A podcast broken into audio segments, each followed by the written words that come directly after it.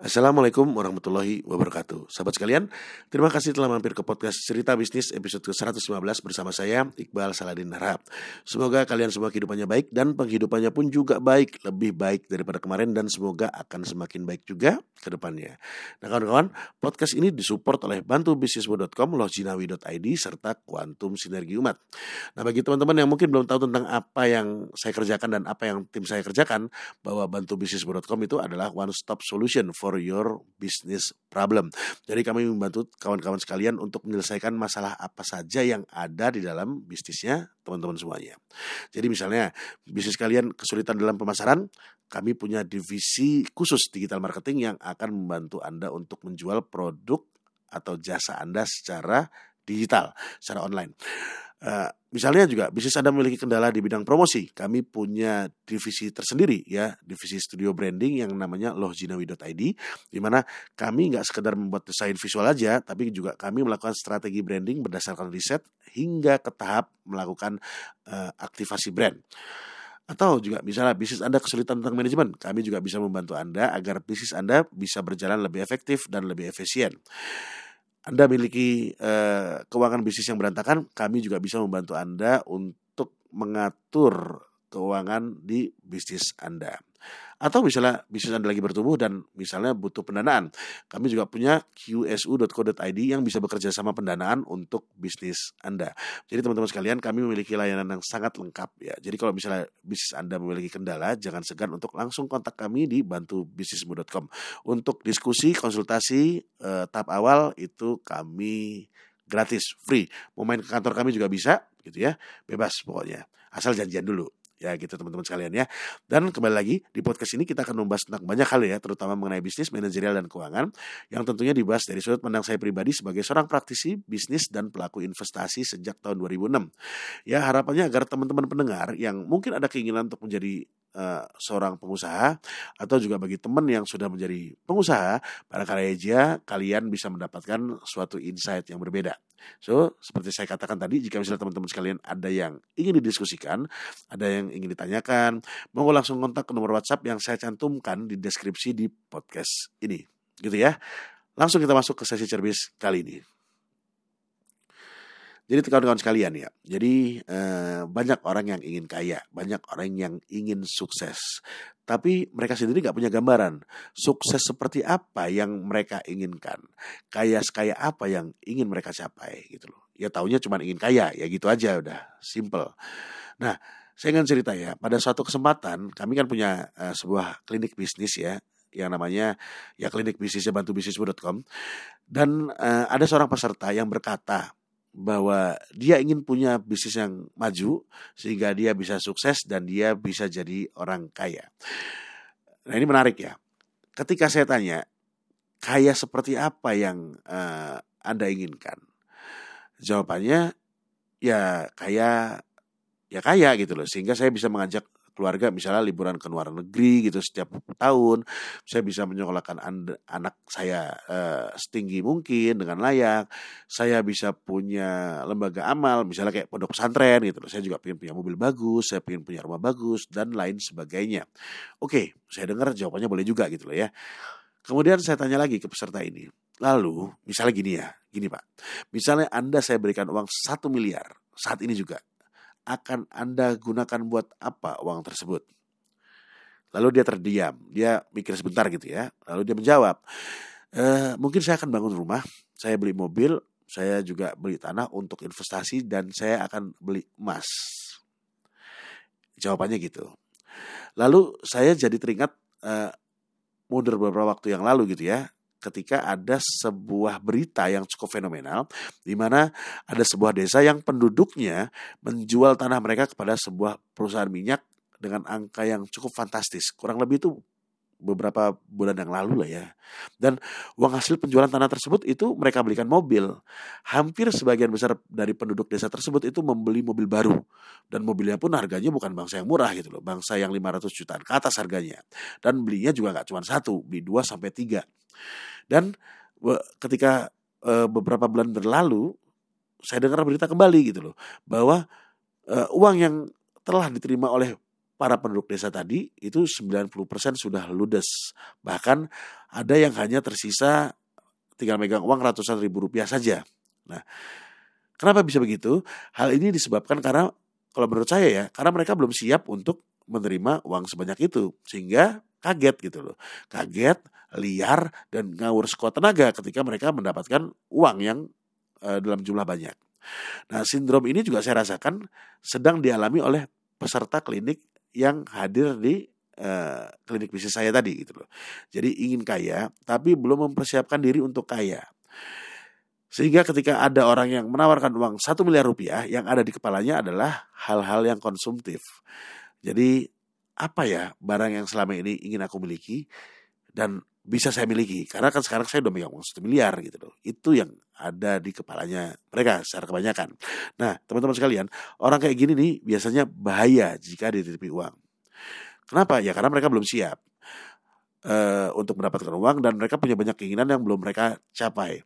Lalu apa nggak boleh orang punya keinginan? Ya boleh saya sendiri juga punya banyak keinginan konsumtif kok dan saya uh, punya catatan sendiri ya jadi saya memiliki catatan yang uh, berisi tentang barang apa saja yang ingin saya miliki setiap tahunnya. Misalnya sekarang tahun 2022, saya tahun 2022 itu ingin punya A, B, C, D, E gitu. Misalnya dengan harga sekian, sekian, sekian.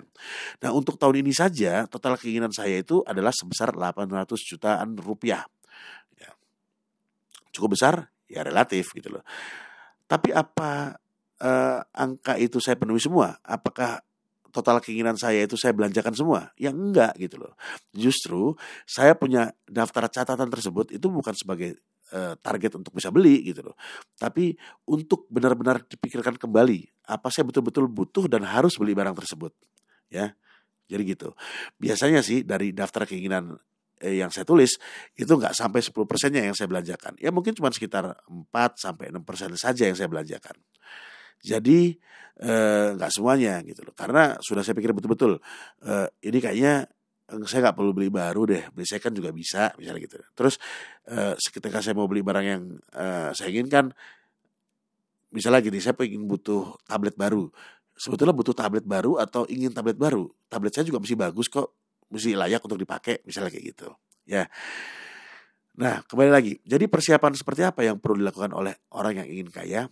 Nah, saran saya nih ya, untuk teman-teman yang ingin kaya, awal-awal tentukan dulu kapan 100 juta pertamamu bisa kamu penuhi. Gitu. Kenapa 100 juta? Karena untuk mencapai tabungan 100 juta itu dibutuhkan banyak perjuangan dan banyak pengorbanan. Karena akan ada apa ya, banyak hal yang harus dikurangi. Yang tadinya mungkin Anda lebih memilih makan siang di luar gitu ya. Ketika kerja mungkin sekarang anda akan membawa makan dari rumah untuk makan siang. Kenapa? Karena bisa lebih hemat. Kalau biaya untuk makan siang biasanya anda hibus anda habiskan sebesar dua puluh ribu rupiah maka hmm, kalau misalnya sebulan itu lima hari libur gitu maka selama 25 hari kerja anda bisa berhemat sebesar hmm, lima ratus ribu rupiah sebulan. Lumayan kan? Yang tadinya misalnya Anda suka belanja di Tokopedia barang-barang yang nggak begitu penting, mungkin Anda bisa berhemat lagi sebesar 500 ribu sebulan dengan tidak membeli apa-apa. Karena saya yakin semua barang yang Anda ingin beli sebenarnya ya nggak terlalu penting-penting amat gitu loh. Karena kadang-kadang ya memang tangan aja suka gatel kalau nggak belanja. Saya pun juga merasakan hal yang seperti itu gitu teman-teman. Lalu jika misalnya Anda suka ngopi bareng teman-teman, misalnya uh, seminggu sampai tiga kali. Ya mungkin bisa dibatasi jadi seminggu sekali. Jadi kalau uh, sekali ngopi itu bisa habis dua puluh ribu, mungkin Anda bisa berhemat empat puluh ribu seminggu atau seratus empat puluh ribu sebulan. Lumayan gitu loh. atau bisa juga tetap Anda ngumpul sama teman-teman, cuman ya nggak perlu beli kopi gitu ya, nongkrong aja gitu loh. Ya kan? Bisa juga kan. Nah, juga kalau misalnya Anda suka liburan sama keluarga, misalnya ada ada kebiasaan untuk keluar kota bareng keluarga sebulan sekali liburan gitu ya.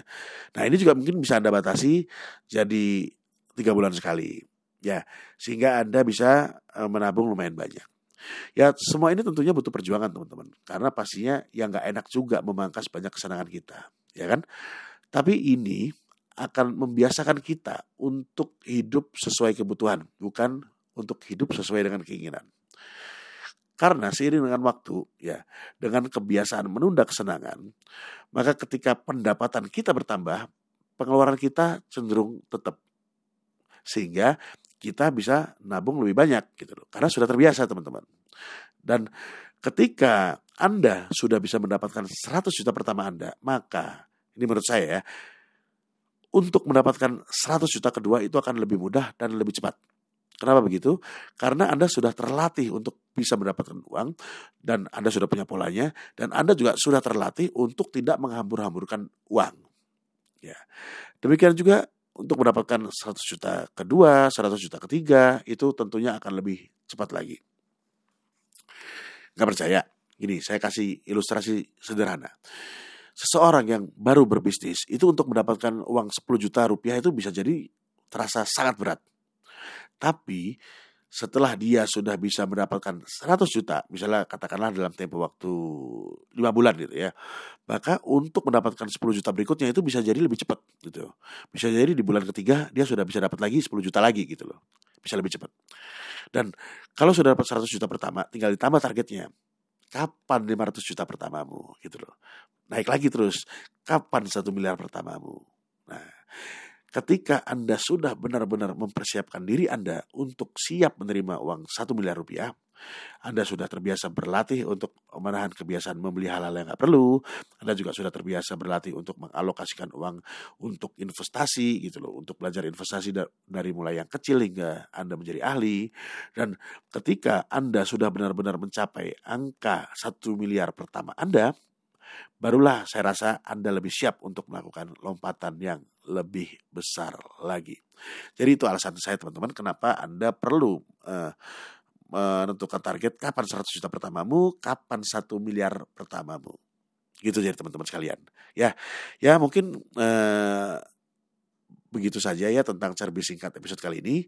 Uh, kalau misalnya saya ada salah kata, saya ada uh, salah bicara, omongan saya misalnya terlalu babaliut, berbelit-belit, sehingga teman-teman kurang bisa mengerti, monggo ditanyakan. Dan kalau misalnya ada yang kurang jelas dan mungkin ada yang perlu didiskusikan, monggo bisa sharing ke nomor WhatsAppnya Bantu Bisnismu yang saya cantumin di deskripsi di podcast ini. Jadi gitu teman-teman, semoga bermanfaat buat kalian ya teman-teman para pendengar, terutama buat saya pribadi sebagai pengingat diri. Saya cabut dulu, sampai jumpa di episode cerbis berikutnya. Assalamualaikum warahmatullahi wabarakatuh.